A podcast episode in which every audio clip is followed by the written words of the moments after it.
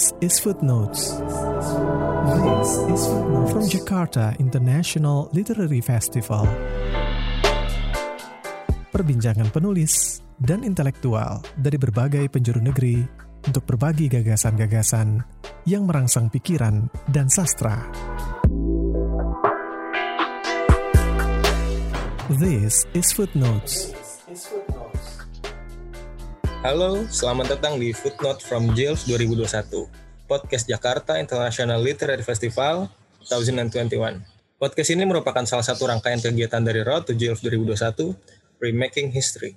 Pada podcast episode kelima ini, kita akan berbincang-bincang perihal pusat dan daerah. Tentang masih pentingkah membicarakan problema daerah dan pusat dalam sastra Indonesia, di mana dalam konteks politik. Kita sudah tahu ada otonomi daerah yang juga memang punya problemanya sendiri dan jika ditilik itu problem sastra daerah atau sastra pinggiran adalah problem khas Orde Baru. Begitu pula dalam sastra, perlawanan-perlawanan sastra sering terjadi di daerah-daerah terpencil dan memunculkan pertanyaan problem apakah sekarang yang muncul hari ini dalam kacamata pusat daerah? Apakah masih relevan? Apakah masih ada perkara-perkara demikian yang tersisa? Saya Doni Ahmadi akan berbincang dengan dua tamu kita, Sunli Thomas Alexander dan Safar Nurhan. Keduanya adalah orang seorang penulis. Selamat mendengarkan. Oke, sebelum mulai, saya akan kenalin dulu siapa Sunli dan Safar. Sunli Thomas Alexander, dia adalah seorang sastrawan dan penulis berkebangsaan di Indonesia, keturunan Tionghoa, Namanya dikenal melalui catatan sepak bola dan ulasan seni yang dipublikasikan di berbagai surat kabar, jurnal, cetak maupun daring yang terbit di Indonesia maupun luar negeri. Pada tahun 2016, Sun Lee menerima beasiswa residensi penulis Taiwan dari Menteri Kebudayaan Republik Cina Taiwan. Lalu pada 2018 ia menerima beasiswa residensi ke Belanda dari Komite Buku Nasional. Buku terbaru Sun Lee adalah kumpulan kritik sastra dari Blinyu ke Jalan Lain ke Rumbuk Randu tahun 2020. Lalu ada Safar Nurhan atau biasa dikenal dengan nama lain Safar Banggai. Ia, ia lahir di Paisu Bebe, Banggai Laut. Ia menulis fiksi dan non-fiksi. Buku pertamanya adalah kumpulan cerita, Nelayan itu berhenti melaut, terbit 2019. Ia juga sedang menyiapkan novel perdana yang berjudul Siapa Bilang Pelaut Mata Keranjang. Coming soon itu ya. Oke. Nah, di dalam sastra itu kan di dalam konteks sastra pusat dan pinggiran itu mencuat di era-era 1980-an 1990-an gitu. Di mana dari pinggir itu muncul perlawanan yang menggugat pusat dari misalnya revitalisasi sastra pedalaman cyber sastra dan berbagai macam lainnya. Nah menurut kalian berdua nih Sunli dan Safar polemik pusat dan pinggiran ini kira-kira masih relevan gak di, dilihat dari tahun ini? Mungkin Sunli dulu ya. Aku dia sih bisa iya bisa tidak ya. Kalau tidak dulu ya kita melihat ya dan perkembangan teknologi informasi yang sudah luar biasa ini ya. Sebelumnya tapi kita gini sebelumnya kita harus lihat dulu kenapa persoalan ada gugatan dari dari daerah kayak revitalisasi eh, revitalisasi pedalaman lalu kemudian cyber sastra dan sastra konseptual itu ya. Itu mungkin bisa, bisa dicatat juga ya. Nah, itu muncul. Ya itu karena pertama kan ada semacam ketidakpuasan terhadap pusat sebagai Jakarta ya. Yang dianggap misalnya dengan kuasa koran media ya sastra Indonesia ini yang belum bisa dilepas dari sastra koran. Ya. Nah, kemudian ada nilai-nilai estetika sastra yang dianggap eh, oleh para penggugat itu dipaksakan dari pusat ke daerah. Eh, lalu kemudian dengan kekuasaan media yang begitu besar itu eh, seolah-olah itu menjadi barometer sastra sehingga para penulis yang karyanya tidak dimuat oleh media tersebut oleh tapi oleh redaktur tersebut itu dianggap bukan karya sastra. Seolah-olah ada demikian. Kemudian eh, sastra seolah-olah hanya eh, pergolakannya segala macam termasuk dengan dengan dengan dengan apa namanya eh, perkenalan sastra Indonesia keluar itu dianggap semua semua selalu diwakili oleh Jakarta. Eh, begitu pula misalnya eh, dengan penerbitan yang semua dikuasai oleh media media uh, penerbit besar uh, yang dianggap berpusat di ibu kota dan kemudian uh, sehingga uh, penerbit daerah di uh, pada masa itu sangat kesulitan menerbitkan buku ini yang kemudian kita lihat sebagai satu problem uh, oleh para penggugat itu sehingga kemudian lahirlah gerakan-gerakan ini. Apakah saat ini masih terjadi? Kupikir uh, semua orang sudah sekarang sudah bisa menerbitkan buku sendiri dengan kemudahan uh, percetakan ada sistemnya kita kena print on demand lalu kemudian Iya, POD. uh, ya meskipun beberapa tahun belakangan ini ISBN Pusnas sedikit mengetatkan persyaratan untuk mendapatkan ISBN. Tapi dengan menjamurnya penerbit berbayar vanity publisher, orang juga akan tetap mudah menerbitkan buku dengan membayar uh, ongkos cetak sendiri. Kemudian uh, lalu kemudian ini ditunjang oleh penjualan sistem penjualan online ya. Orang tidak perlu lagi ke toko buku untuk mengakses uh, buku-buku cukup dengan penjualan online orang bisa membeli buku dari pelosok mana pun. Dengan media sosial dan media online kecil-kecil yang bermunculan dari mana saja, orang bisa mempublikasikan karyanya sendiri atau mempublikasi ke media itu yang relatif mudah dibanding uh, Koran. ketika era masalah koran begitu kuat. Nah ini satu hal, uh, hal, hal, hal, hal kedua. Uh, tapi apakah kemudian uh, pusat itu tidak ada? Saya pikir tetap ada penerbit besar kayak Gramedia, penerbit Mayol itu masih eh, namanya masih dianggap jaminan kualitas sehingga kemudian eh, orang masih berpikir sebagian penulis masih berpikir bahwa karyanya misalnya oleh Gramedia oleh penerbit besar lain itu dianggap keren. Oke. Okay. Eh, lalu kemudian eh, masalah media ya, masalah media meskipun saat ini katakanlah dengan perkembangan eh, teknologi informasi yang begitu luar biasa, orang bisa bikin media online kecil-kecil di mana saja untuk menampilkan karya sastra. Lalu kemudian media sosial, Facebook, Twitter, termasuk Instagram di sini, ya orang bisa mempublikasikan mempublikasikannya karyanya sendiri, ya kan?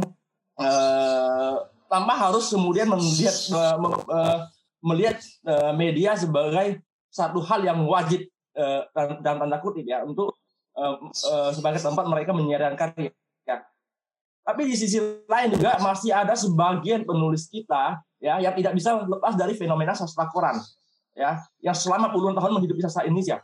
Ya kita tidak bisa pungkiri misalnya Kompas, media Indonesia, koran Tempo, terus Jawa Pos itu masih dianggap sebagai tolak ukur pencapaian ketika uh, publisitas karya mereka hadir di media-media tersebut ada seolah-olah dengan dimuat di Kompas misalnya seorang penulis merasa terjamin karyanya, kualitas karyanya, kemudian secara otomatis akan meningkatkan kualitas dia sebagai penyair atau cerpenis misalnya. Persoalannya eh, kenapa bisa eh, demikian kuat? Pertama kita melihat apakah ada media daerah yang mencoba misalnya ya menawarkan honor honorarium ya misalnya kepada penulis sebesar media Jakarta. Ya, ini belum belum lagi bicara tentang tiras. Ya kan? Kompas kita bisa membeli Kompas orang bisa membaca Kompas di pelosok mana pun. Tapi apakah hal yang sama misalnya terjadi misalnya dengan Bangka Pos? Kan tidak. Ah, ini ini ini di luar di luar persoalan media tersebut terbit di mana ya. Lalu kemudian redaktur yang mengawangi eh, media tersebut. Di mana nama-nama tertentu misalnya dianggap ya sebagai itu sebagai redaktor kualitas yang eh, sehingga lolos seleksi mereka itu dianggap suatu yang yang sangat wah. Ini masih terjadi. Di luar itu event-event juga eh, aku pikir event macam Jakarta International Literary Festival ini ya mungkin bagi sebagian orang juga dianggap satu satu yang keren bisa tampil bisa tampil sebagai sebagai pembicara atau undangan di, di acara sebuah event yang diselenggarakan di ibu kota. E, meskipun ini ini ini tidak tidak begitu kuat ya dibanding misalnya e, kedudukan media dan atau e, penerbitan ya. Ini ini belum lagi e, estetika ya misalnya apakah kemudian Jakarta masih menawarkan semacam estetika e, kepada daerah sampai saat ini? Kupikir sudah tidak tidak sekuat dulu ya.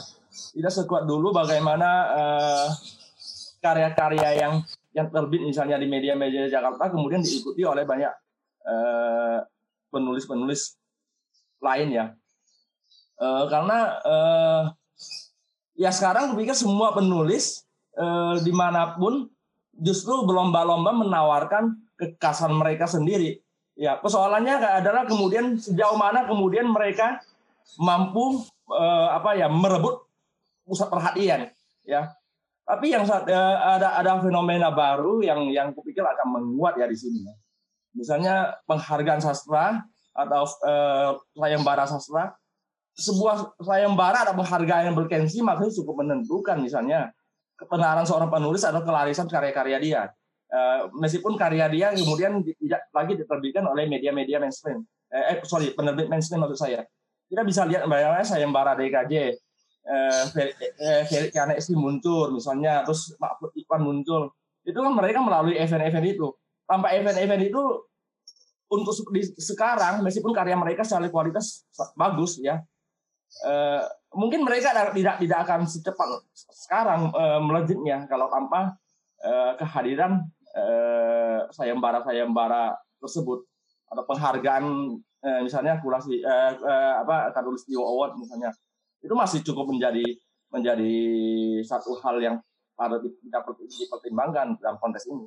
Hmm, oke okay, oke. Okay. Berarti dalam artian meskipun udah ada akses di mana pun penulis-penulis di daerah ini masih butuh legitimasi dari suatu penghargaan dari pusat gitu bu ya kurang lebih gitu mungkin. Terus mungkin lanjut ke Safar. Gimana Far menurutmu soal hmm. polemik pusat dan pinggiran? Apakah masih relevan? Uh, saya sebenarnya sudah secara lantang menyebut bahwa itu tidak relevan lagi sebenarnya. Tapi eh, pendapat Sunli mengatakan tadi itu ada benarnya sebenarnya dalam artian 20 persen lah, 20 persen apa yang dikatakan eh, Sunli itu masih relevan dalam hal tertentu dan penulis tertentu. Oke. Okay? Tapi saya ingin mencoba mengambil hal lain dulu ya sebelum masuk ke hal seperti yang dikatakan oleh Sunli tadi. Misal gini, DKI Jakarta misalnya, DKI Jakarta itu daerah juga loh sebenarnya. Yang saya yang saya pikirkan itu hadir pusat dan daerah ini sebenarnya hasil dari kebiasaan birokrat menyebut pusat dan daerah. Dan itu terbawa ke kerana sastra. Jadi kalau mau menyebut saya menyebut pusat itu mengarah ke Jakarta, tapi bukan bukan Jakartanya sebenarnya, tapi pemerintah pusatnya. Dalam hal ini misalnya Jokowi misalnya gitu dan pemerintahan. Tapi bukan Jakartanya yang, di, yang dimaksudkan, tapi pemerintah pusatnya. Kebetulan berada di Jakarta. Itu, itu pertama. Kedua, misalnya kehadiran ada narasi pusat dan daerah atau pusat dan pinggiran, ini yang sudah disebutkan oleh Doni Ahmadi tadi, ini memang sudah sudah tertanam di zaman Orde Baru bahwa efek dari pembangunan yang sangat sentral di di Jawa itu. Sehingga kita yang dari luar dari Jawa atau di luar dari Jakarta sangat jauh tertinggal untuk memenuhi infrastruktur yang ada di di di Jawa dan khususnya di Jakarta. Masalahnya asosiasi Jakarta adalah pusat itu sampai sekarang itu masih ada memang dan itu dipertahankan oleh teman-teman penulis ada yang penulis baru bahkan yang sudah penulis lama itu tanpa melihat konteks konteks sastra kekinian itu yang mana ada saya ber, dulu Tomo orang katanya, mungkin yang Sunli juga pada zaman itu, saya bersastra melawan eh, narasi dan wacana yang berada yang berasal dari Jakarta itu. Tapi kan arti pusat ini kan kerumunan sebenarnya. Siapa yang menciptakan kerumunan itu pusat. Misal kalau saya selama saya lima tahun di Jogja, itu saya tidak terbayang di pikiran saya bisa tinggal di Jakarta karena apa? Hiruk pikuk perbukuan di Jogja itu menurut saya lebih dahsyat daripada Jakarta. Semua di, Jogja misalnya, di Jogja siapa, siapa saja bisa menerbitkan buku, siapa saja bisa jadi editor, siapa saja bisa di mana pun. Komunitas di sana banyak. Untuk belajar edit, edit bisa, belajar nulis ada, belajar nulis puisi ada tempatnya. Saya tidak terpikir untuk tinggal di Jakarta supaya diakui oleh eh, para penulis di Indonesia misalnya atau ranah sastra di dunia sastra di Indonesia misalnya. Dia terpikir karena apa? Hiruk pikuk dengan keributan-keributan atau kerumunan-kerumunan yang diciptakan oleh teman-teman di Jogja itu sangat sangat jauh lebih lebih meriah yang yang saya rasakan di sana. Itu malah pusat pusat baru, pusat buku itu di Jogja. Itu keberapa ketiga. Terus di, di, tempat misalnya. Kehadiran festival misalnya. Kehadiran festival yang ada di Joglit Fest di Jogja. Terus ada kehadiran eh, eh, apa lagi? Festival sastra yang ada di Makassar, MIWF misalnya. Terus di Ubud 2004 atau 2005 sudah ada di Ubud di Bali. Terus di Padang kemarin ada. Eh, festival literasi juga di mana-mana ada, di Ternate ada.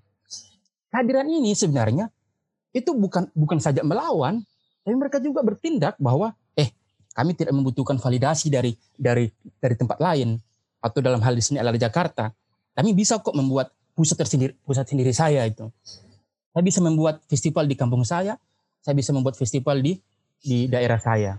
Dan itu adalah pusat lain di sana itu. Misal MIWF kemarin saya hadir di di Makassar. Saya belum pernah melihat ada festival sastra seheboh se, se, seramai itu. Dan itu tidak terpikir di, di pikiran saya dan itu terjadi. Dan itu pusat. Pada akhirnya jadi jadi pusat gitu. Bahwa ada satu kerumunan sastra, kerumunan artian positif ini ya, kerumunan sastra yang diselenggarakan oleh teman-teman Makassar dan menghadirkan para penulis dari tempat lain untuk membicarakan sastra di, di Makassar. Di Banggai, Banggai malahan hanya beberapa toko buku di Banggai. Sekarang sudah ada festival sastra Banggai menghadirkan teman-teman dari dari Jawa, dari Sumatera, dari Kalimantan, dari dari NTT. Sekarang di NTT ada Ruteng, eh, di, eh, ada Klub Baca Petra, Ruteng, dan mereka website juga. Malahan teman-teman dari luar, dari Makassar, dari Jawa, dari Sumatera juga, dari Kalimantan, Papua ngirim di situ di di Baca Petra. Dan jadi pertanyaan kita, apakah Kompas masih Kompas, Jawa Pos atau Koran Tempo masih relevan? Masih relevan. Tapi, tapi apakah orang bergantung kepada mereka? Sudah tidak menurut saya. Saya sekali untuk mengirim mungkin iya bahwa oh saya masih menulis kok ini. Tapi kalau untuk meng, menganggap atau berharap ada validasi dari dari pemuatan itu, menurut saya sekarang sudah tidak relevan lagi dan dan kebanyakan teman-teman saya sudah tidak membutuhkan itu lagi. Masalahnya kita terlalu sangat sangat menjunjung penerbit besar. Kita sebut penerbit penerbit A misalnya. Itu ter, sangat terlalu terlalu apa ya?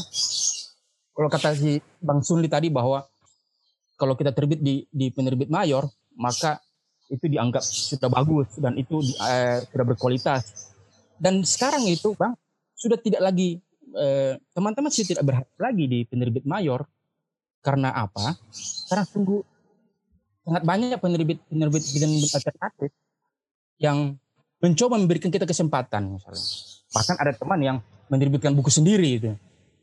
Jadi pada akhirnya pusat ini sebenarnya itu pola pikir gitu. Pola pikir kita menunggu maksud saya pola pikir ini dalam artian satu meneruskan eh, pakem yang ada, misal wah Jakarta itu yang harus jadi jadi jadi patokan di barometer kita. Kedua, pola pikir yang saya maksud ini pusat adalah adalah pola pikir itu. Apakah kamu mampu membuat wacana atau tidak itu? Misal Bang Suli kan banyak ribut di ribut di apa di di media sosial. Tahu sistem orang mampu membuat wacana. Malahan teman-teman yang ada di Jakarta dan teman-teman yang lain itu lihat yang dibuat narasi oleh oleh Bang Sunil dengan Saud atau Aan Mansur misalnya yang di Makassar. Eh, orang langsung lihat, oh iya ya ada kayak gini, ada kayak gini ya. Eh, atau si apa Mario Flawi misalnya yang ada di di di, di Kupang. Mereka membuat dia apa membuat diskusi-diskusi dan orang langsung ter, terlihat ke sana itu. Jadi yang pertanyaan kita mampu tidak membuat narasi dan wacana sastra yang dari tempat-tempat lain di luar Jakarta. Saya, saya juga kadang-kadang tidak sependapat. Ada teman-teman mengatakan bahwa misalnya Jawa itu sudah sangat infrastrukturnya sudah bagus itu, sudah sangat mumpuni. Belum tentu juga itu. Kita melangkah satu langkah saja dari dari Jakarta ini, kita lihat bagaimana infrastruktur yang ada di tempat. Yang jadi yang jadi jadi permasalahan kita sebenarnya infrastruktur. Gitu. Misalnya perpustakaan daerah itu. Bagaimana perpustakaan daerah? Yang yang harus teman-teman tahu, perpustakaan daerah ini bukan dibawa dari perpusnas loh. Pengetahuan saya. Per, eh, perpustakaan daerah ini di bawah da, eh, di pemerintah setempat, pemerintah daerah, bukan perpusnas. Jadi kalau perpustakaan daerah kita bobrok dan tidak terupdate buku-bukunya, ya itu pemerintah memang asal keburukan dari pemerintah daerah. Terus yang mendukung ini apa yang saya katakan tadi bahwa ekosistem festival, ekosistem perbukuan itu banyak faktor sebenarnya. Eh, kita eh, komunitas, komunitas komunitas baca, terus pembeli, terus reseller, terus penerbit, percetakan.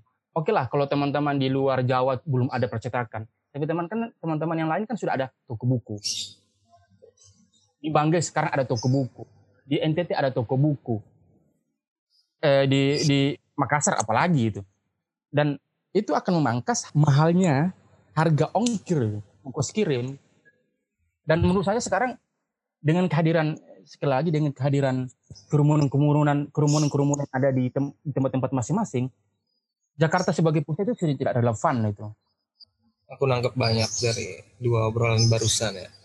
Kalau Sunli menyatakan bahwa kita masih beberapa orang di daerah masih membutuhkan legitimasi, sedangkan ada ada pertanyaan lagi dari Safar bahwa sebetulnya yang membentuk itu adalah pola pikir kita sendiri. Bahwa pola pikir penulis itu sendiri yang menjadikan bahwa ketika terbit di satu penerbit tertentu itu jadi otomatis apa kebanggaan dan semacamnya bahkan dalam kasus sastra kita hari ini gitu nggak nggak banyak kan apa namanya ada banyak yang misalnya dia ter, seorang penulis memenangkan penghargaan dia sebelumnya terbit di penerbit daerah dan akhirnya diam, diambil oleh penerbit pusat dan semacam itu dan dan ya, kurasa ya. emang dan kurasa emang itu itu itu jadi satu hal yang yang ini juga yang cukup krusial dan akhirnya membentuk suatu wacana bahwa pusat dan pinggiran akan selalu ada gitu.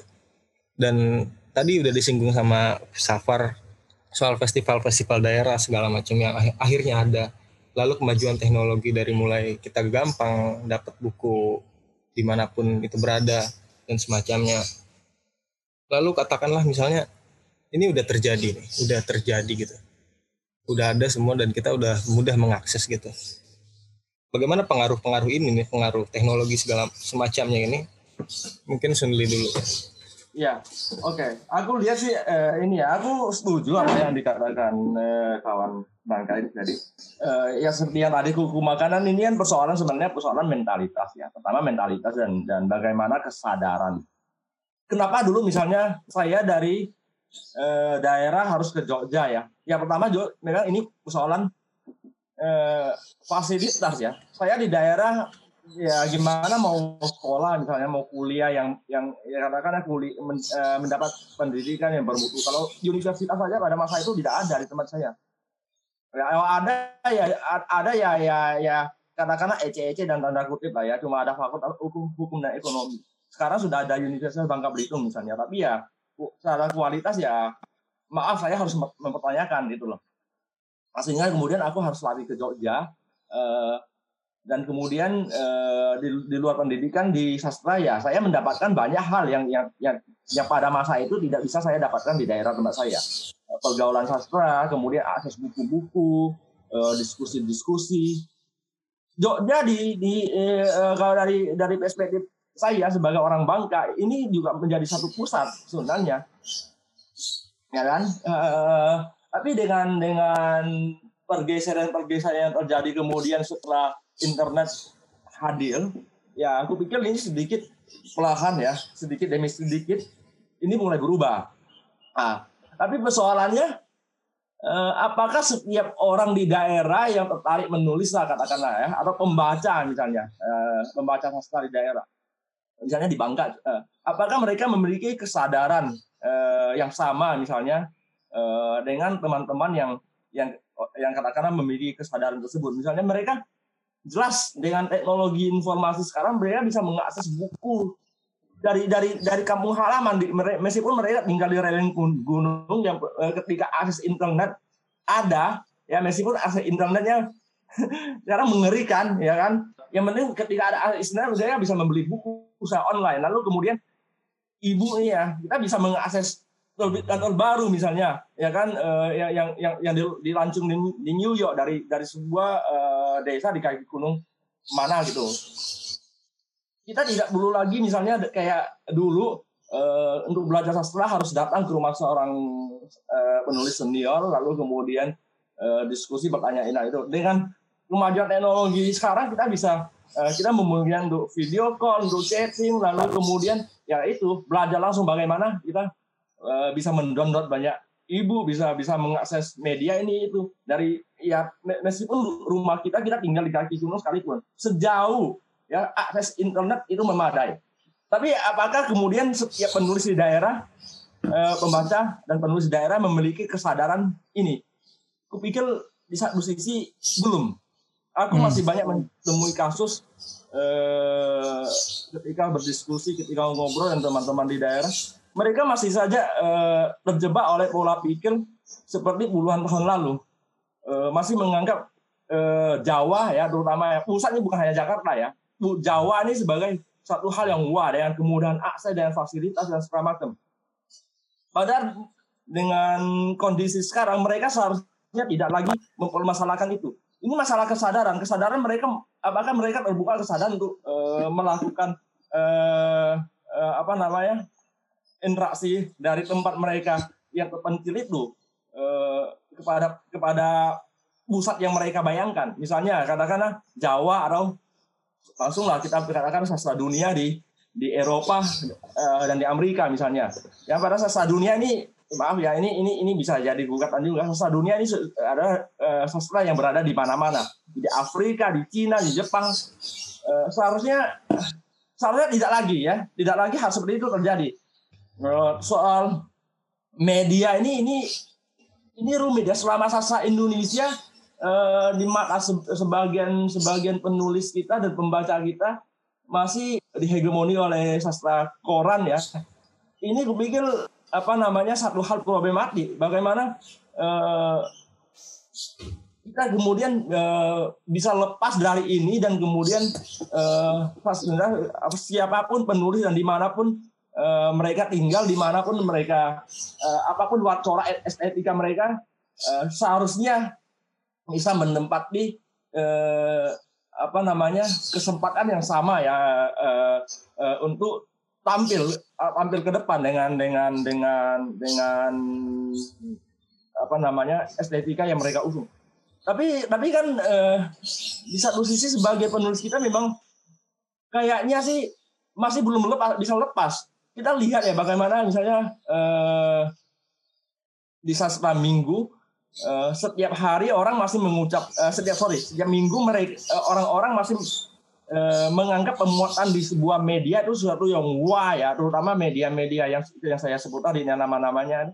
Ketika ada teman ada apa yang di, di yang ketika di karya dia di, mereka dipublikasikan di media-media tersebut ucapan selamat ucapan uh, uh, kekaguman segala macam itu masih ada Nah, bagaimana mana ya kemudian uh, kita menyingkapi persoalan ini? Untuk penerbit dan kupikir sudah sejak uh, reformasi ketika uh, zaman penerbitan Jogja itu begitu marak, kupikir itu sudah sudah sudah cukup uh, uh, uh, mampu ya menggeser posisi pusat posisi Jakarta. Uh, tapi ya tetap saja saya temukan ya sampai hari ini bagaimana orang-orang bertanya misalnya Gimana misalnya bisa diterbitkan oleh penerbit mayor itu sih yang yang otomatis berada di Jakarta misalnya. Itu masih masih itu masih terjadi sampai saat ini. Padahal seharusnya tidak. Ya seharusnya tidak terjadi. Dengan penerbit indie yang yang yang penjualannya sebenarnya tidak kalah, tidak kalah dengan dengan dengan penerbit mayor tadi. Itu seharusnya tidak terjadi, tapi ya kenyataannya kenapa masih masih ada pemikiran ada eh, tidak sadaran seperti ini Nah, lalu kemudian saya sastra cyber, ya, sastra Facebook, sastra Twitter apa pun, seharusnya itu sudah sudah sudah uh, uh, menjadi satu kondisi kondisi kondisi lain hari ini, di mana kita siapa saja kita bebas menyiarkan karya di mana pun. Tapi kenapa media-media tertentu ya terutama yang berbasis cetak ini ini masih oleh dilihat sebagai satu barometer. Ini kan problem kita. Aku nangkep beberapa poin gitu dari mulai kesadaran hal-hal kesadaran sederhana ini sih bung apa namanya kesadaran si penulis ini bahwa ketika dia masuk ke koran dan banyak apa namanya yang ngasih selamat dan semacamnya dan masih jadi legitimasi dan balik lagi ke permasalahan awal gitu ya ke masalah legitimasi dan semacamnya yang yang yang sebetulnya memang dilanggengkan oleh penulis-penulis daerah ini. Kalau Safar gimana menurut Safar? Memang pada awalnya waktu saya belajar nulis di Jogja, khususnya di komunitas kutub, memang ada apa keinginan untuk terbit di di di koran minggu itu. Di koran di hari minggu itu atau sabtu dan minggu. Dan itu itu sebenarnya murni bukan dalam artian bukan membutuhkan legitimasi atau validasi dari dari orang-orang atau dari koran, tapi sebenarnya murni mencari uang sebenarnya kalau di Kuritas Kutub, murni cari uang. Betul yang kata Bang Sunli tadi, kalau di di Facebook itu kalau dimuat tulisan kita langsung banyak yang kasih selamat, kasih selamat dan itu semacam kebanggaan bagi teman-teman yang ada di Facebook. Nah, tapi di lain di lain sisi juga banyak orang yang sudah tidak lagi punya lagi harapan besar kepada sastra koran karena sastra koran juga sudah begitu-begitu saja dalam artian tidak ada peningkatan eh, kualitas ada sih beberapa penulis yang kita tahu tapi tidak bukan koran yang yang mengubah kualitas sastra Indonesia tapi penulis itu terlepas dari itu kalau saya ingin menceritakan bagaimana saya tinggal di Banggai terus tinggal di Makassar lalu di Jogja dan Jakarta sebenarnya pertama saya tidak terpikir mau tinggal di Jakarta. Saya tinggal di Jakarta karena istri saya orang Jakarta. itu pertama. Eh, saya tinggal di pergi mau, mau pergi ke pengen pergi ke ke ke Jogja itu karena memang di sana yang saya tahu bahwa di sana banyak buku. Kenapa saya tahu banyak buku? Itu karena saya tinggal di Makassar waktu itu. Di Makassar dengan infrastruktur seadanya, artian buku-buku masih terbatas pada saat itu 2011 dan teman-teman bilang wah di Jogja paling banyak buku apa semua dan keinginan untuk pergi ke Jogja ada tapi pada saat saya tinggal di Banggai Jogja itu belum Jawa dan di Pulau Jawa itu sulit saya jangkau untuk datang ke sini bahkan tak terpikir dalam saya yang saya pikirkan bagaimana Makassar karena di Sulawesi Makassar di, secara infrastruktur paling maju itu Makanya kami datang, saya datanglah ke Makassar. Eh di Makassar orang-orang bilang paling banyak di Jogja. Pergilah ke Jogja. Senior-senior saya di Makassar mengatakan kalau kamu pergi ke Jogja, kamu ketemu banyak buku. Kalau kamu ke Jakarta, kamu ketemu dengan politisi. Jadi itu yang dipik yang diberitakan oleh senior-senior saya di, di mana di Makassar. Jadi apakah apakah berubah eh, pemikiran saya setelah saya tinggal di Jakarta sangat berubah karena apa? Yang yang di pikirannya saya itu Makassar, eh, Sulawesi Selatan bagus karena Makassar. Padahal ada kabupaten-kabupaten lain yang, sangat pinggiran. Kalau kalau teman-teman cek di Ponto itu masuk kategori daerah 3T. Kalau itu hanya ber, hanya berapa berapa jam eh, berapa jam mungkin atau menit dari jam mungkin jam dari Makassar atau Maros gitu. Jadi kita mengatakan bahwa Sulawesi Selatan itu bagus karena Makassar.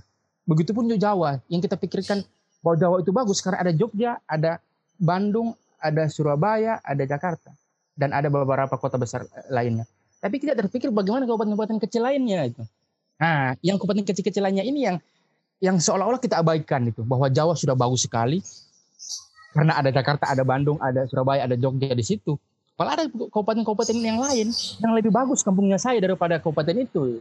Kita kembali lagi masalah eh, pusat dan pinggiran. Akan tidak ada nama pusat dan pinggiran misalnya atau semua menjadi pusat ketika di tiap tempat-tempat ini mempunyai kerumunan-kerumunan tersendiri itu dan tidak membutuhkan validasi di Jakarta, tidak membutuhkan validasi di Jogja, tidak membutuhkan validasi dari Makassar. Misalnya saya dari Bangga, tidak membutuhkan validasi dari Makassar, tidak membutuhkan validasi dari Jakarta. Ya kita membuat sendiri. Kalau bekerja sama dengan teman-teman Makassar dan teman-teman Jakarta dan teman-teman Jogja, iya. Tapi membutuhkan validasi bahwa Festival Sastra Bangga dikatakan bagus ketika ada tanda tangan dari atau ada ucapan dari eh, misalnya dari dari Jakarta misalnya atau dari Jogja tidak membutuhkan itu menurut saya.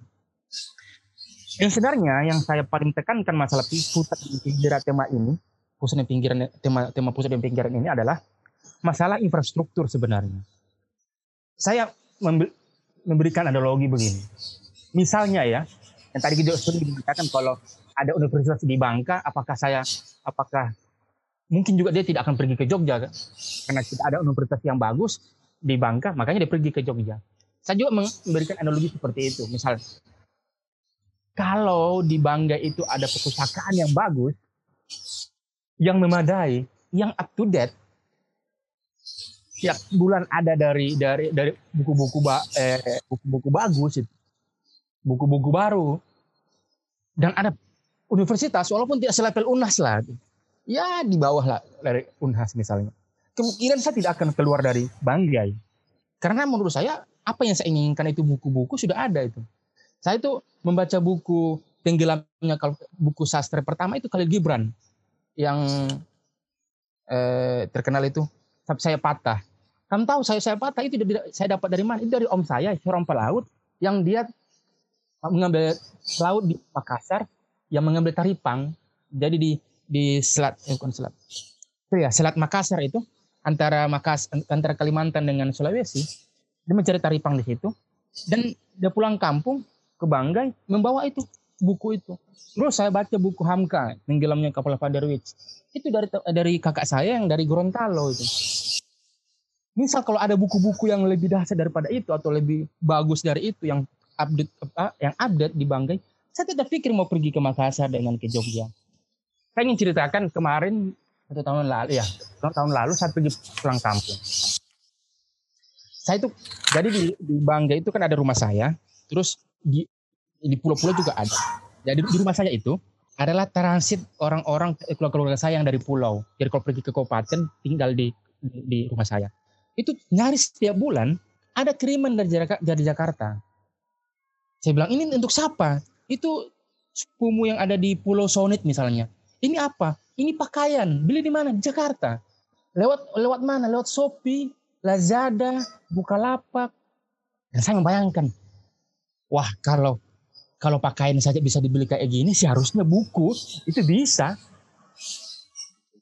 Kalau kita nggak mengharapkan perpustakaan yang ada di kampung misalnya saya ingin mengatakan bahwa dengan juga yang dikatakan oleh Sunli bahwa sekalipun kita sudah tinggal di di lereng Merapi, lereng gunung gitu, dan tinggal di pulau di asalkan ada ada ada ada jaringannya, sekarang kayaknya sudah tidak ada lagi batasan sebenarnya. Kita bisa ribut ribut di media sosial dengan siapa saja. Saya bisa bersapa dengan Bang Sunli, bisa bersapa di bersapa dengan Bang Saud di di Facebook, bisa bersapa dengan dengan Martin di YouTube, bisa bersapa dengan Ridwan Alimudin yang dari Mandar, yang tinggal di Mandar, semua di, di, di, di media sosial. Dan, dan sekarang juga banyak penulis besar itu tidak lagi sombong, maksudnya mereka tidak berjarak dengan pembaca. Misalnya eh, Eka Kurniawan itu balas-balasan di Twitter itu dengan dengan pembaca. Ana Mansur berbalas-balasan di, di dengan dengan dengan pembaca terus dokpin begitu di media sosial.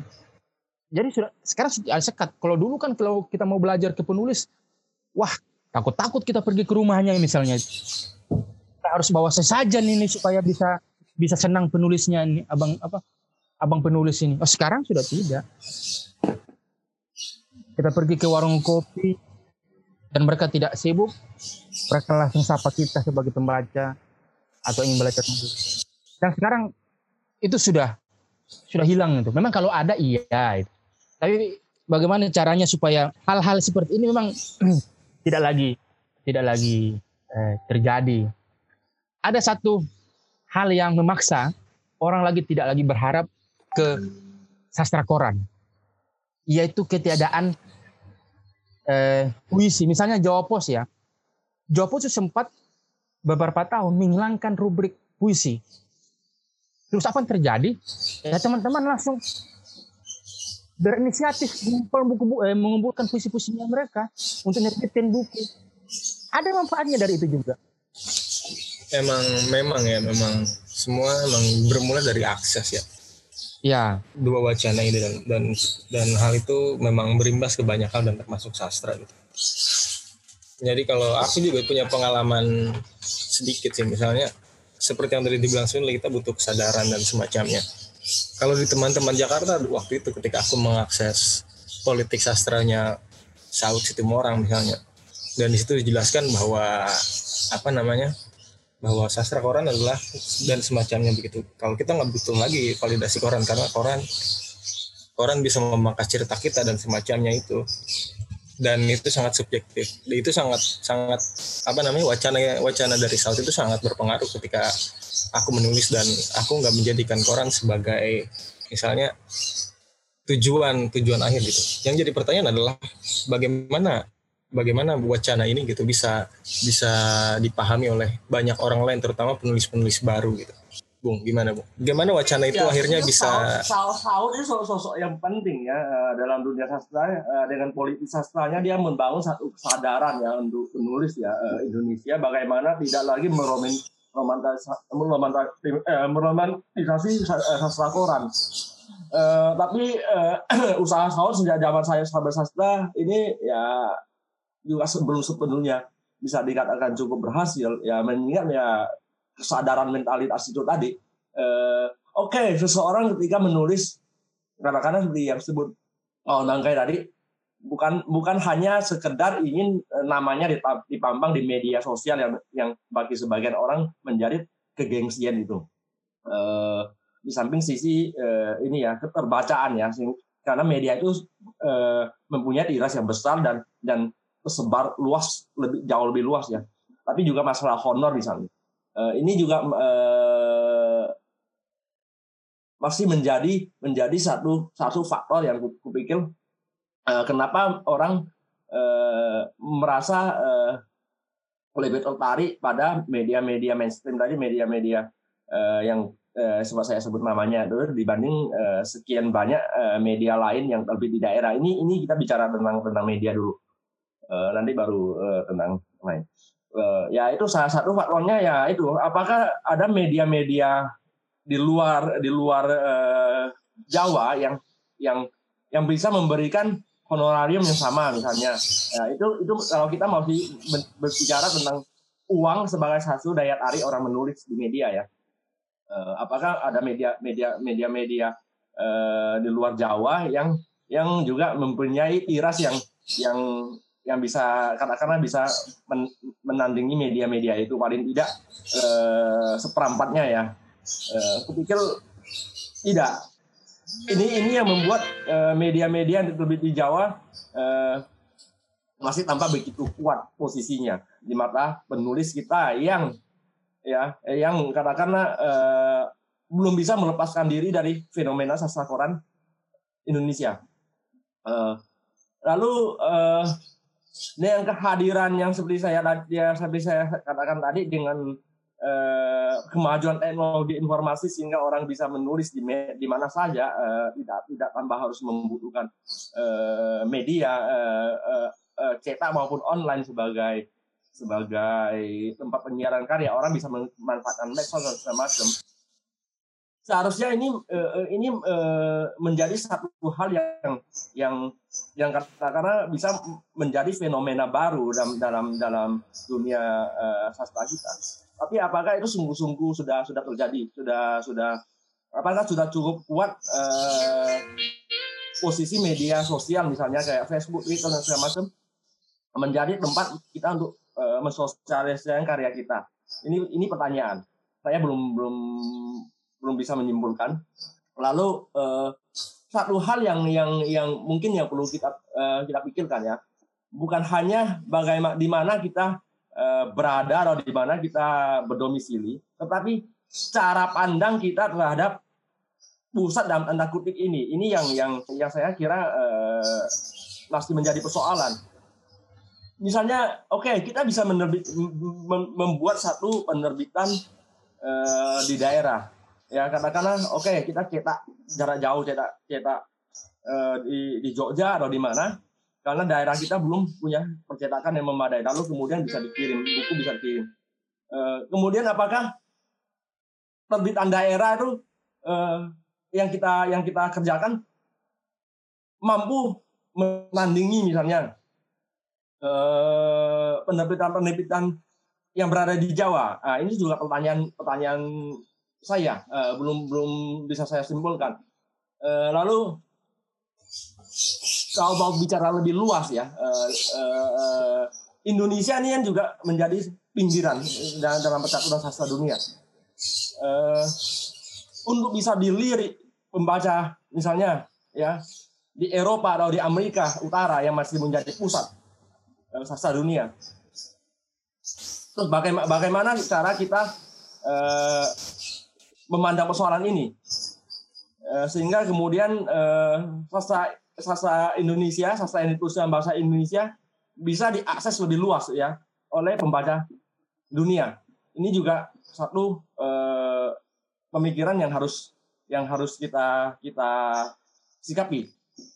Apakah kemudian posisi Jawa nih ya yang yang memang menjadi demikian sentral ya uh, terutama sejak uh, era Orde Baru mampu misalnya uh, diimbangi misalnya dengan penerbitan-penerbitan di daerah kantong-kantong kesenian ya, di daerah, kerumunan ya sebut yang Rawan Bangkai dengan event-event di daerah. Apakah memang sudah mampu, sudah sudah mampu sudah mampu di, di, diseimbangkan? Dulu kita tahu ya di zaman di di, di era di era kolonial dulu itu ada uh, disebut roman Medan misalnya dengan penerbitan yang begitu marak di Medan yang yang yang bisa men, yang bisa menyimbangi Jawa tapi apakah saat ini dengan kemudahan akses uh, uh, teknologi informasi sekarang, uh, apakah itu uh, bisa bisa dimungkinkan untuk dilakukan lagi? Saya belum tahu. Gimana, Far? Kamu punya tanggapan nggak atau solusi tadi tentang eh. gimana sih mengubah mentalitas itu, mengubah cara pandang yang semacam itu?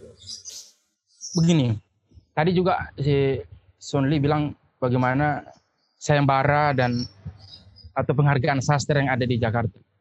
Itu menarik sebenarnya kalau kita lebih punya solusi yang lebih lebih konkret sebenarnya. Misalnya gini, kenapa sih eh, misalnya Sisi Felix mengirim naskah ke DKJ itu? Ada dua faktor, apakah dia memang butuh uang atau membutuhkan validasi itu supaya bukunya terbit di, di Jawa dan terakses dan uang dari DKJ. Apakah tidak bisa digunakan misalnya di Makassar ada ajang yang seperti demikian. Misalnya Dewan Kesenian Makassar mengadakan hal serupa. Penghargaannya tidak kalah misalnya nilainya banyak sama lah gitu 40 juta misalnya atau 30 juta sama lah maksudnya dengan DKJ gitu dan kuratornya itu juga tidak kalah di, di, di, di, di, di, diberikan kesempatan kepada penulis-penulis yang yang yang beken misalnya kemungkinan orang tidak lagi terarah ke DKJ bila ada Dewan Kesenian Makassar mengatakan seperti itu.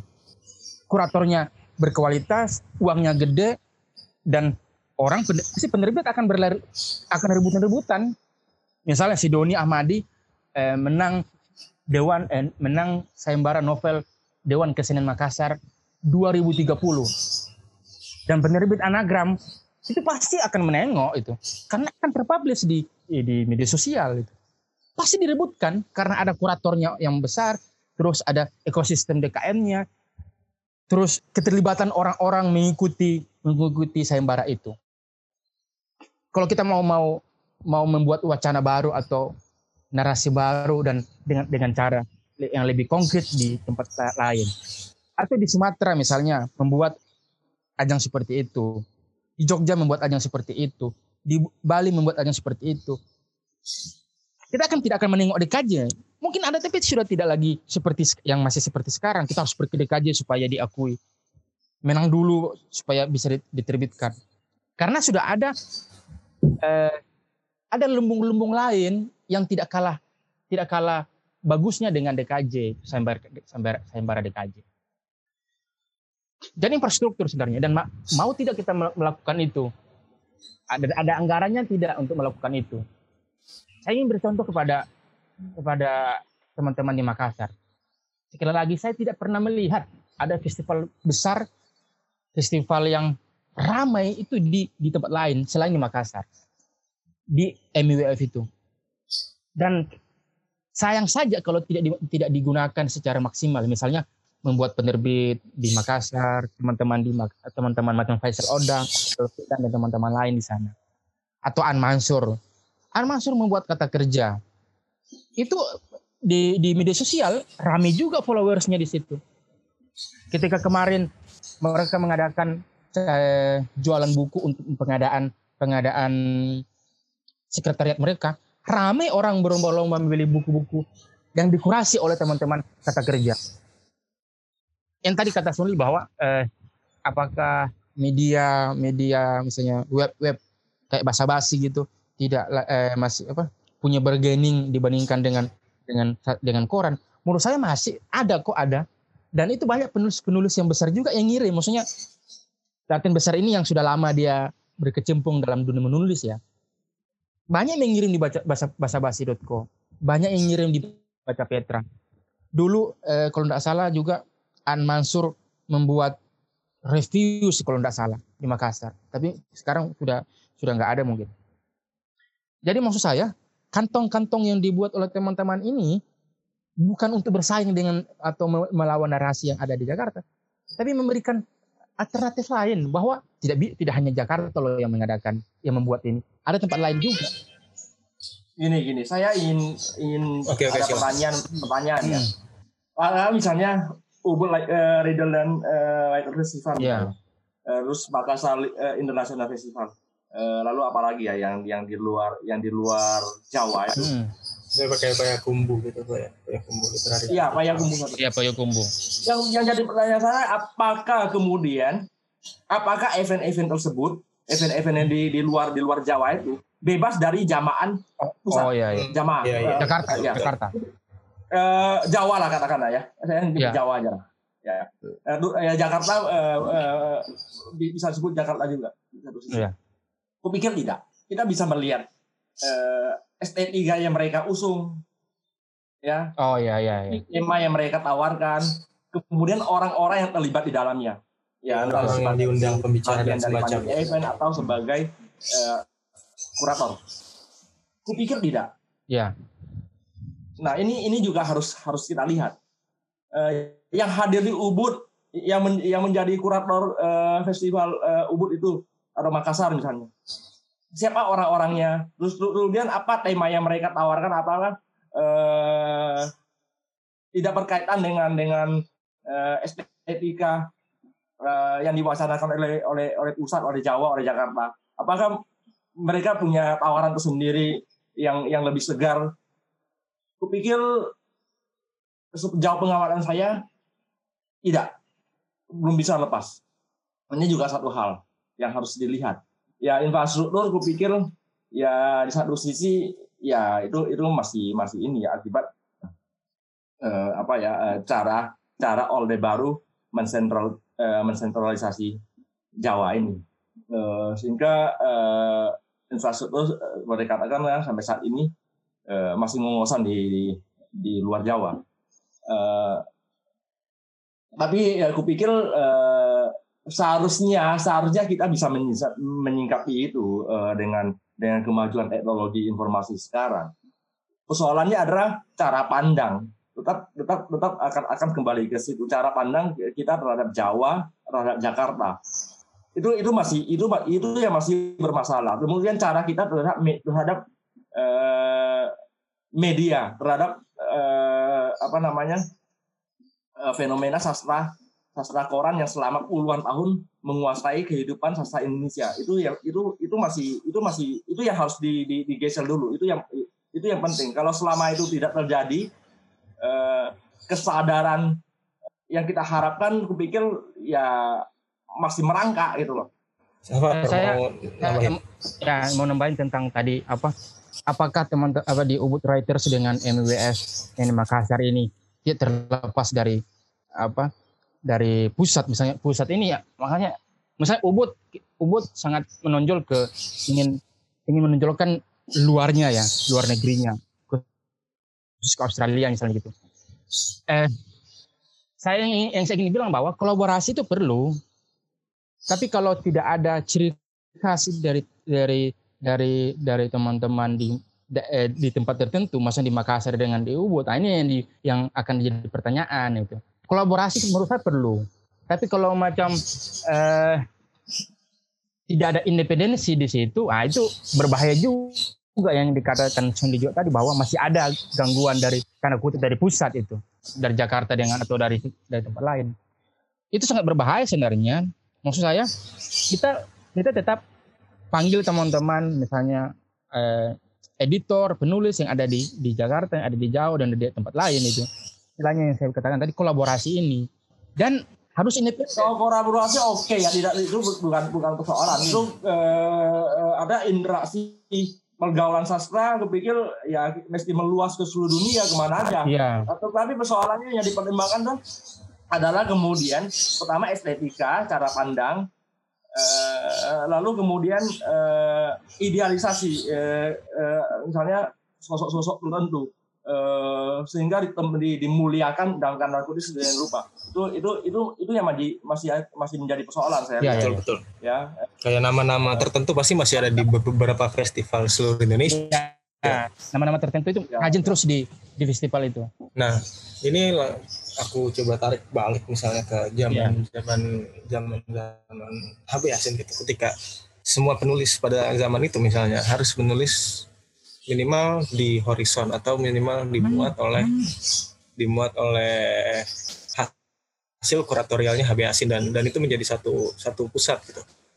Sedangkan di tahun ini di tahun ini ini kita udah udah punya banyak udah punya banyak orang yang, yang cukup berpengaruh dari mana pun di seluruh Indonesia dan mereka juga punya kelompok dan akhirnya dalam artian bisa mampu melegitimasi seseorang tertentu gitu tapi ini jadi balik lagi apakah dengan adanya hal semacam ini kita kita lebih terbuka dalam hal estetika dalam hal apa namanya perbedaan-perbedaan kultur penulis yang akhirnya melahirkan estetika-estetika yang baru semacam itu. Sedangkan kita masih terpaku bahwa harus terbit di, di pusat apa namanya penerbit pusat dan semacamnya harus mendapat ulasan dan di, dimuat di koran dan semacam itu bagaimana menurut kalian ini Sunli dan Safar gitu? apakah apakah ini masih akan balik ke pola pikir lama bahwa misalnya ada pusat di satu titik misalnya di Makassar gitu dan akhirnya seseorang jadi semacam HB hasilnya dan dan orang akan meniru estetikanya dan semacamnya apakah itu akan berjalan di tempat atau atau bagaimana solusinya Bu? Aku kadang-kadang sedikit cemas kehadiran kantong-kantong baru justru menimbulkan kadang-kadang persoalan persoalan tersendiri persoalan baru tersendiri. Seperti yang terjadi misalnya dengan dengan setelah lepas reformasi ini eh, kemudian eh, orang ketika orang daerah kemudian berontak kamu kemudian eh, membangun apa ya satu satu satu apa ya satu pusat baru pusat baru untuk untuk untuk dirinya sendiri dan kelompoknya ya. Misalnya kita bisa melihat ya isu putra daerah yang begitu kental pasca reformasi di satu daerah misalnya. Itu kan kemudian menjadi persoalan. Aku eh, aku takutnya kemudian kemudian akan muncul pusat-pusat baru dengan keangkuhannya. Ini ini ini juga juga perlu dilihat. Bukan bukan eh, apa ya kemerataan kesejajaran eh, berbicara eh, berkarya yang yang yang kita yang kita harapkan itu ini soal apakah nanti pusat-pusat ini akan akan memberi solusi estetika baru atau akan hanya menghasilkan yang tadi dibilang bahwa ego sentral masing-masing bahwa pusat ini dikuasai oleh begawan ini dan mengusung estetika ini dan akhirnya jadi perebutan pusat perhatian gitu bu. Ya seharusnya seharusnya semua wilayah semua uh, orang itu bisa uh, menawarkan ya menawarkan pemikiran estetika yang sendiri. Ya itu yang yang yang diinginkan oleh uh, gerakan sastra konseptual dulu zaman dulu itu. Pikir oleh bisa bisa sastra pedaman kemudian cyber sastra juga uh, sedikit uh, ya, ya, mengusung pemikiran yang yang serupa yang sama. Uh, tapi kita lihat sampai berapa tahun lalu ya ketika Nirwan Dewan masih menjadi redaktur koran Tempo kita bisa melihat bagaimana koran Tempo dengan Nirwanya berhasil mem, mem, katakan membangun satu satu estetika itu sendiri. Uh, dan yang cukup kuat ya. Dengan gaya yang khas koran Tempo. Sehingga setiap penulis terutama yang yang merasa harus mempublikasikan karya-karyanya entah puisi atau cerpen di, eh, di koran Tempo kemudian mengikuti ya. Serela serela aku aku aku menggunakan kata serela ya Iya, selera. Dewan Dewan tersebut ya.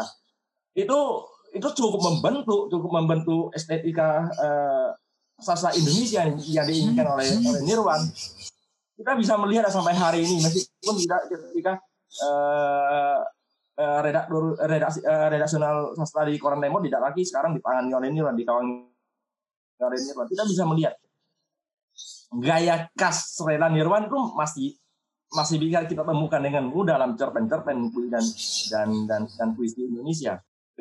Kemudian bagaimana eh, yang yang yang jadi yang jadi pertanyaannya adalah bagaimana kan yang diinginkan teman-teman adalah bagaimana ada keseimbangan di mana-mana, ke- keseimbangan yang yang yang wajar di mana-mana. Bagaimana kita semua di mana saja siapa saja bisa menawarkan estetika sendiri. Tentu saja dengan catatan ya kualitas menjadi satu hal yang penting di sini. Kualitas ini eh, bukan ditentukan secara politis, tapi benar-benar melalui pengkajian yang yang yang yang, yang betul, ya setelah keilmuan sastra. Artinya ini bisa dipertanggungjawabkan eh, eh, secara keilmuan. eh, ya di mana kehadiran kehadiran kritikus misalnya ya yang yang yang, yang cukup cukup penting ya bagi kehidupan sastra Indonesia.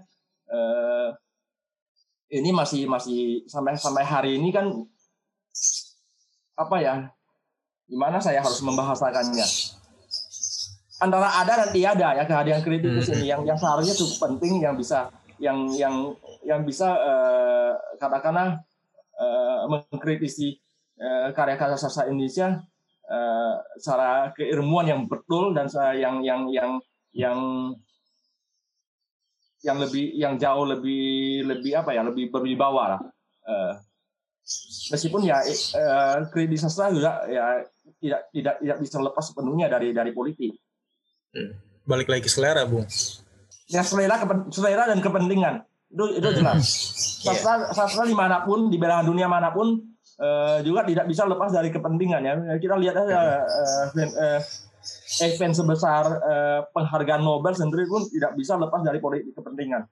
Eh, kalau kamu gimana, Far? Kamu udah merasakan banyak pusat dari Makassar ke Jogja dan akhirnya ke Jakarta. Menurutmu apakah menurutmu gimana sih perkembangannya gitu? Apakah kita masih butuh sosok-sosok itu atau jangan-jangan sosok-sosok itu bukan malah memperkaya sastra kita tapi malah menghasilkan polemik lagi. Saya sebenarnya suka dengan polemik. gitu. Jadi ketika ada polemik, ketika ada polemik-polemik begitu, berarti eh, sastra kita tumbuh gitu. Sastra kita dibicarakan, sastra kita ada obrolan. Gitu. Kalau kita bandingkan dengan di di Malaysia misalnya, sastra apa yang mereka yang mereka bicarakan? Sastra mereka itu yang mereka bicarakan apa saja itu.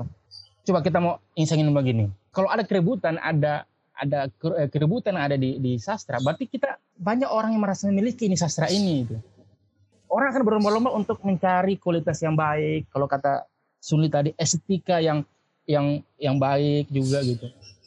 Ketika misalnya ada pusat-pusat tertentu di di di, tem- di tempat lain dan yang saya tidak suka itu ketika ada yang menonjol satu sosok yang menonjol dan dia yang si sosok ini menghantam teman-temannya nih yang di yang lain itu. Itu yang saya Kelompok suka. lain gitu ya. Iya. Misal gini, saya kembali ke Jogja misalnya ya. Di Jogja itu coba kamu sebutkan penulis yang menonjol. Tidak ada itu. Banyak Karena- bukannya, Bung? Iya, maksudnya bu- bukan bukan yang menonjol satu orang gitu loh. Saya saya gini bilang bahwa kalau ada di satu daerah tertentu dan hanya satu orang yang menonjol, jangan-jangan memang penulis hanya dia itu. Tidak ada penulis lain. Dan mungkin ada penulis tapi masih masih belajar itu. Nah, si penulis yang merasa dia yang lebih menonjol, dia yang lebih superior di tempat tertentu, itu berbahaya kalau di, dipelihara seperti itu, dijaga-jaga itu. Gitu. Dia apa di, di dibiarin seperti itu. Harus disekat juga bahwa eh kamu jangan kamu jangan hanya main sendirilah. Kita kita ber- harus harus ber, apa harus ber, eh, ber, eh, ber- berkomunitas itu. Harus bersama-sama, harus tumbuh sama itu. Tidak hanya kamu yang tumbuh dan kita enggak itu.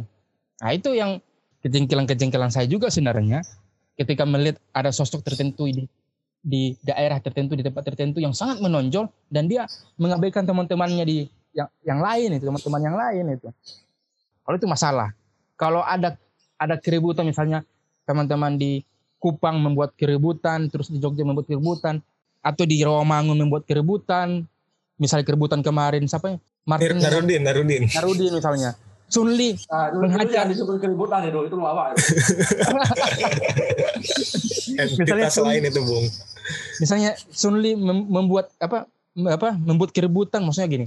Dia menghajar terus entitas orang itu kan. Martin ada ada rasa kepemilikan atau rasa rasa keinginan Sun Li untuk sastra ini bagus itu. Dan harus dihajar orang-orang yang tidak tidak bagus itu. Itu bagus menurut saya. Dalam artian supaya ada apa, diskursus ini, diskursus di sastra Indonesia itu. Pembicaraan seperti itu menurut saya perlu. Teman-teman di Makassar membuat keributan, membahas sastra. Fokus keributan sastra ya, dalam artian yang yang berkualitas dalam artian ya. Tidak tidak asal gosip gosip belaka gitu. Terus di di Sumatera, di Padang, di Medan begitu pula, di Kalimantan begitu pula, di Papua, Ambon begitu pula, Bali. Di di sastra itu kadang-kadang kan terlalu elitis gitu. Keelitisan ini sehingga sulit terjangkau oleh pembaca, oleh teman-teman yang baru belajar, oleh kelompok tertentu. Ada eksklusif apa eksklusivitas yang di- dibuat oleh teman-teman itu sendiri itu. Nah, itu berbahaya menurut saya.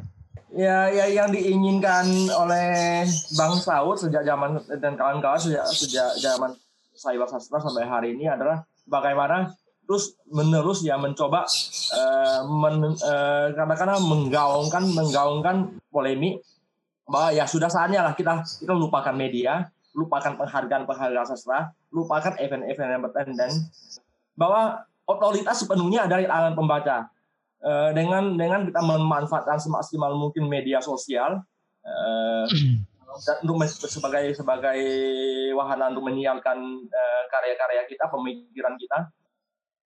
Ya itu tadi karena apa? Karena menurut eh, Bang Sohad dan kawan-kawan adalah bahwa media-media penghargaan-penghargaan event-event itu ya tidak lepas dari politik estetika itu politis itu sangat politis dan bukan bukan politis yang dalam arti yang yang yang yang, yang sehat menurut menurut Bang Saad dan kawan-kawan. Iya, betul. betul. Apakah kemudian kita harus harus eh, mengikuti mengikuti anjuran itu, mengikuti tawaran itu? Nah, itu pertanyaan juga. Atau kita eh, mencoba eh, menawarkan pemikiran lain lagi?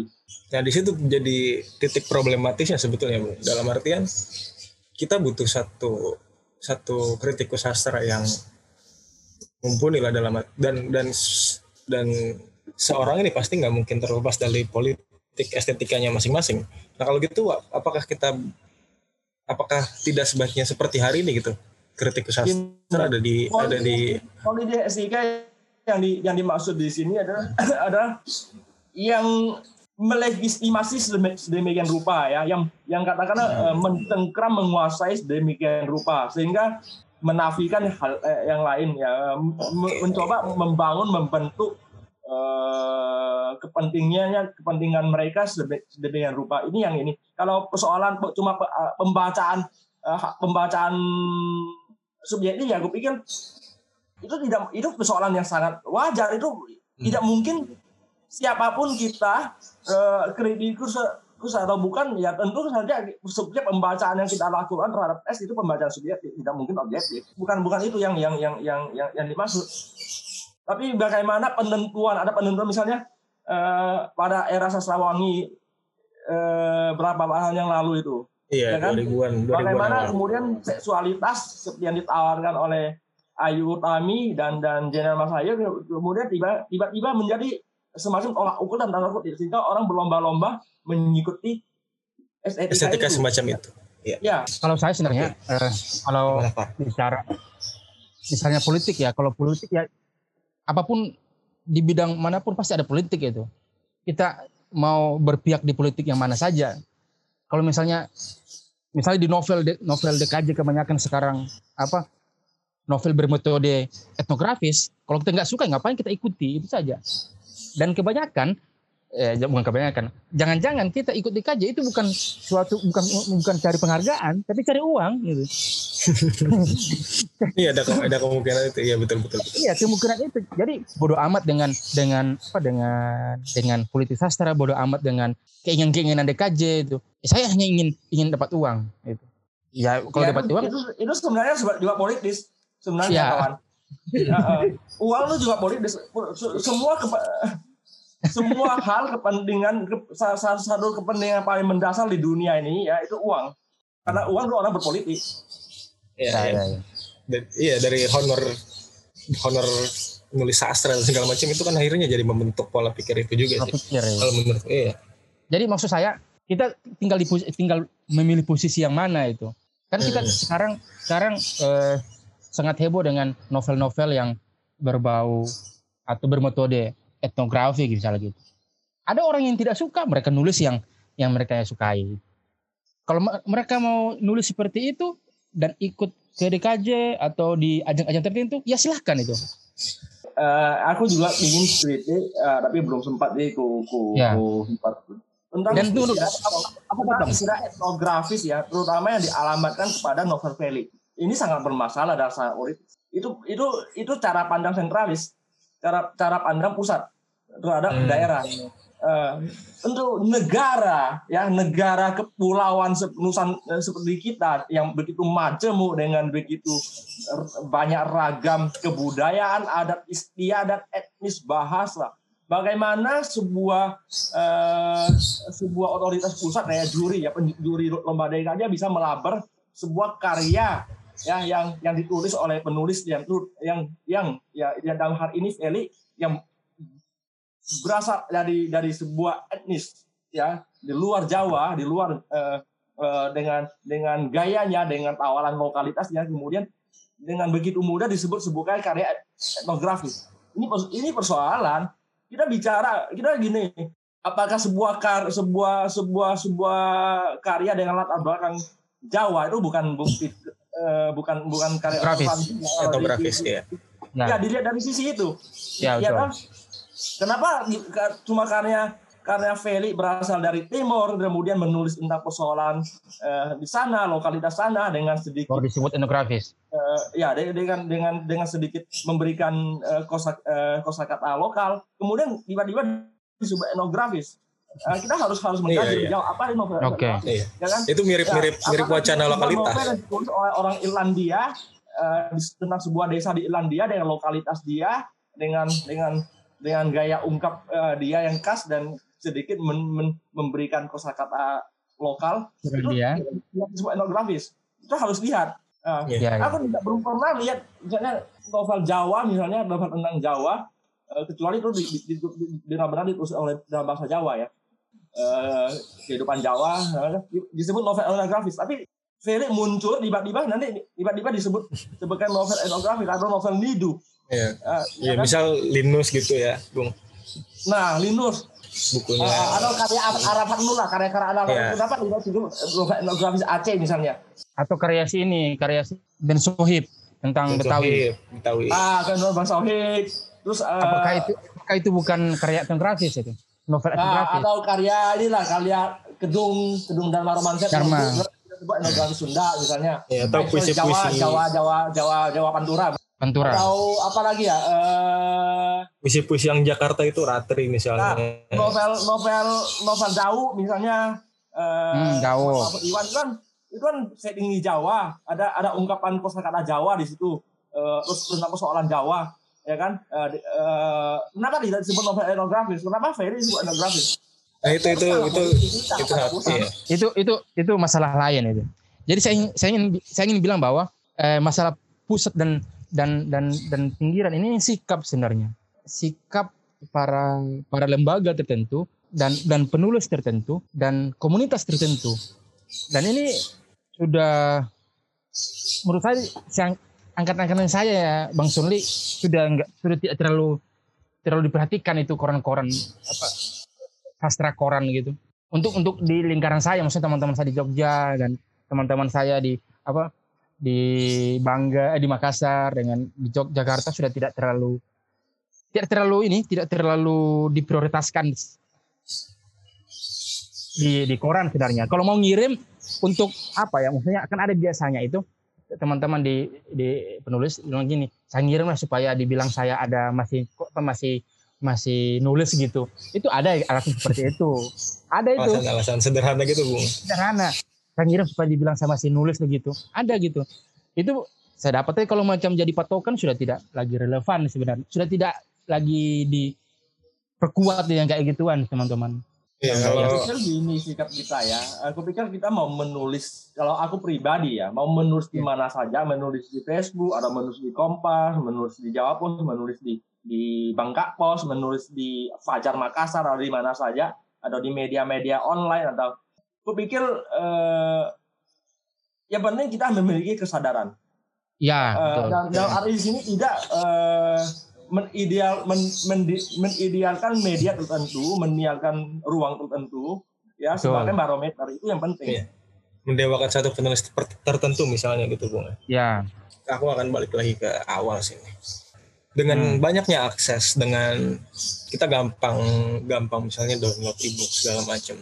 Kita kita bisa download aplikasi ada namanya script yang bisa kita akses bulan gratis untuk baca karya sastra dunia dan semacamnya.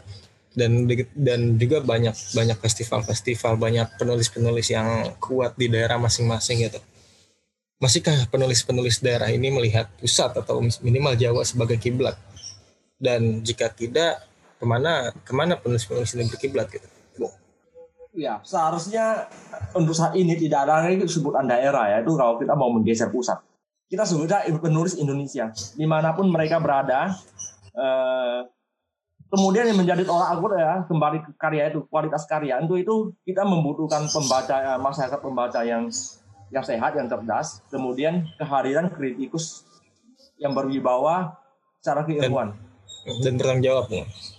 Ya, itu itu yang itu yang penting. Eh, kita lagi kita tidak lagi bicara tentang penulis daerah. Ini bahaya. Eh, kalau kita mau bicara dengan tema seperti ini, kami kemudian menggunakan eh, label penulis daerah. Oke lah, penulis yang tinggal di daerah tidak persoalan. Mungkin mungkin eh, itu juga sebenarnya kalau mau mau di, di, di, di- dibicarakan lebih jauh itu juga bermasalah karena daerah dan pusat ini ini kalau kita mau bicara tentang nama ini ini tidak bisa digunakan. Kita seharusnya kita memang ke depan nanti kita harus menggunakan kata Indonesia, penulis Indonesia yang tinggal di Makassar, penulis Indonesia yang tinggal di Ah, Bangka, iya. penulis Indonesia.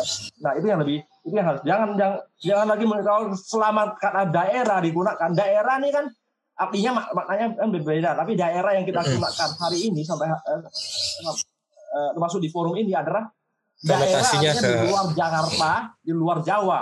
Ya ya ya. Kan? oke oke aku Nah, lebih baik kan nyebut tempat aja langsung misalnya. Penulis di Bangka misalnya atau Hmm. penulis di Aceh ah. bagaimana kita mau bicarakan eh, kopi ini kalau kita masih menggunakan kosakata yang sangat sangat dengan perspektif yang yang yang sangat sentralistik ya aku pikir sudah seharusnya kita memiliki eh, kesadaran bahwa menulis adalah sebuah kerja estetis yang yang yang membutuhkan keikhlasan belajar terus menerus mungkin cinta yang keras kepala di sini ya dan dan dan kesadaran kesadaran politis. Hanya dengan itu hanya dengan kita eh, bersikap dengan wajar memiliki kesadaran kesadaran po- politis dan etis ya kita kita bisa bisa melakukan sesuatu terhadap terhadap eh, apa yang kita bicarakan hari hari ini tentang tentang relevansi pusat dan daerah secara politis. dari awal juga berarti emang kita harus sadar bahwa daerah itu memang ada di mana-mana Jakarta pun sebetulnya adalah- daerah itu sendiri dan Ya, iya itu sih yang yang yang menjadi catatan kalau Ya. gimana Far saya sekali lagi saya tidak apa saya ingin bilang begini yang tadi katakan Doni juga bahwa Jakarta juga daerah itu daerah khusus ibu kota itu. Jadi Jogja juga daerah itu daerah istimewa. daerah istimewa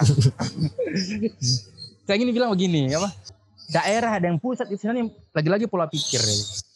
dan itu beberapa orang sudah masih melanggengkan itu. Iya eh, stigma bahwa jadi kata daerah itu konotasinya buruk. Dan pusat itu bagus itu.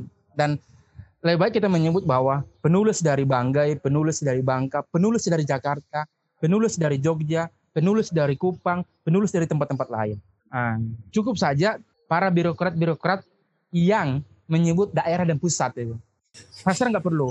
Iya. Karena kita se se eh, siapa pun bisa membuat keributan, bisa membuat eh, eh, membuat perhatian ke orang-orang gitu. Dan kita kan hanya butuh perhatian kan. Di sastra Iya. kan butuh perhatian. Supaya laris buku kita, supaya kita diundang. supaya bisa ada pekerjaan gitu. Dan dan pusat dan pinggiran kalau karena saya dengan Sundi sepemahaman gitu bagaimana politik sastra yang cukup tidak baik itu konotasi daerah dan pusat itu memang kita akhiri mulai dari sekarang. Dan kita bisa membuat tanda tanda tanda kutip eh, pusat-pusat kita sendiri itu. Fenomena pusat dan dan dan pinggiran pusat dan daerah di dalam dalam kesenian dalam sastra dalam sastra ya aku pikir yang tidak bisa lepas dari fenomena politik ya. Eh, selama puluhan tahun orde baru. Eh, ya sebenarnya itu hanya terus terusan dari dari dari zaman kolonial ketika Belanda uh, menantapkan uh, pusat koloni, kol, uh, kolonisasi pusat pemerintahan kolonisasinya di Jawa. Uh, lalu kemudian uh, dikuatkan sedemikian rupa oleh Soeharto pada masa Orde Baru, ya kan menciptakan LTRW termasuk dalam hari ini kan uh, hierarkis uh, cara-cara pandang yang sangat uh, apa administratif yang sangat hierarkis. Kita bisa melihat uh, apa yang terjadi di luar ya eh, ketika sentralis eh, seperti ini tidak begitu terjadi. Bagaimana kita tidak pernah mendengar misalnya tentang penulis asal Amerika, penulis Amerika misalnya eh, ada pusatnya di Washington atau di New York kan tidak. Iya ribut-ribut soal daerah itu. Tidak ada malah. Di, di, di meskipun eh, Beijing menjadi menjadi eh, ibu kota dengan dengan secara secara kemegahannya tapi kita kita tidak tidak men, tidak tidak menemukan uh, persoalan yang sama seperti yang kita yang yang ada ada pusat, terjadi di sini pusat, gitu. Ada pusat-pusat yang di uh, kesenian seperti di Jakarta atau di Bali atau di, di mana kita, kita tidak tidak tidak hampir tidak pernah mendengar hal-hal seperti itu. Ya oke, okay. aku nangkep bahwa sebetulnya ini masalah pelanggengan dan dan dan orang-orang yang melanggengkan itu dan akhirnya wacana-wacana semacam ini masih terus masih terus dipermasalahkan ya mungkin itu ujung obrolan kita bahwa karena karena mungkin kita udah sadar bahwa ucapan daerah itu sangat politis sangat pemerintah dan semacamnya itu bisa kita lakukan kita bisa apa namanya kita bisa wacanakan bahwa itu sangat politis dan semacamnya ke ke beberapa dari dari mulai teman terdekat bahkan hingga relasi kita di Facebook. Mungkin itu akhir dari perbincangan kita. Terima kasih buat Sunli, Safar, demikianlah perbincangan kita perihal pusat dan daerah. Jangan lupa untuk mendengarkan juga podcast Footnote from Jeff 2021 yang merupakan rangkaian acara Road to Jeff 2021 yang lainnya. Ikuti terus media sosial Jeff atau Dewan Kesenian Jakarta untuk terus update informasi seputar Road to Jeff 2021 dan penyelenggaraan Jakarta International Literary Festival 2021. Sampai jumpa.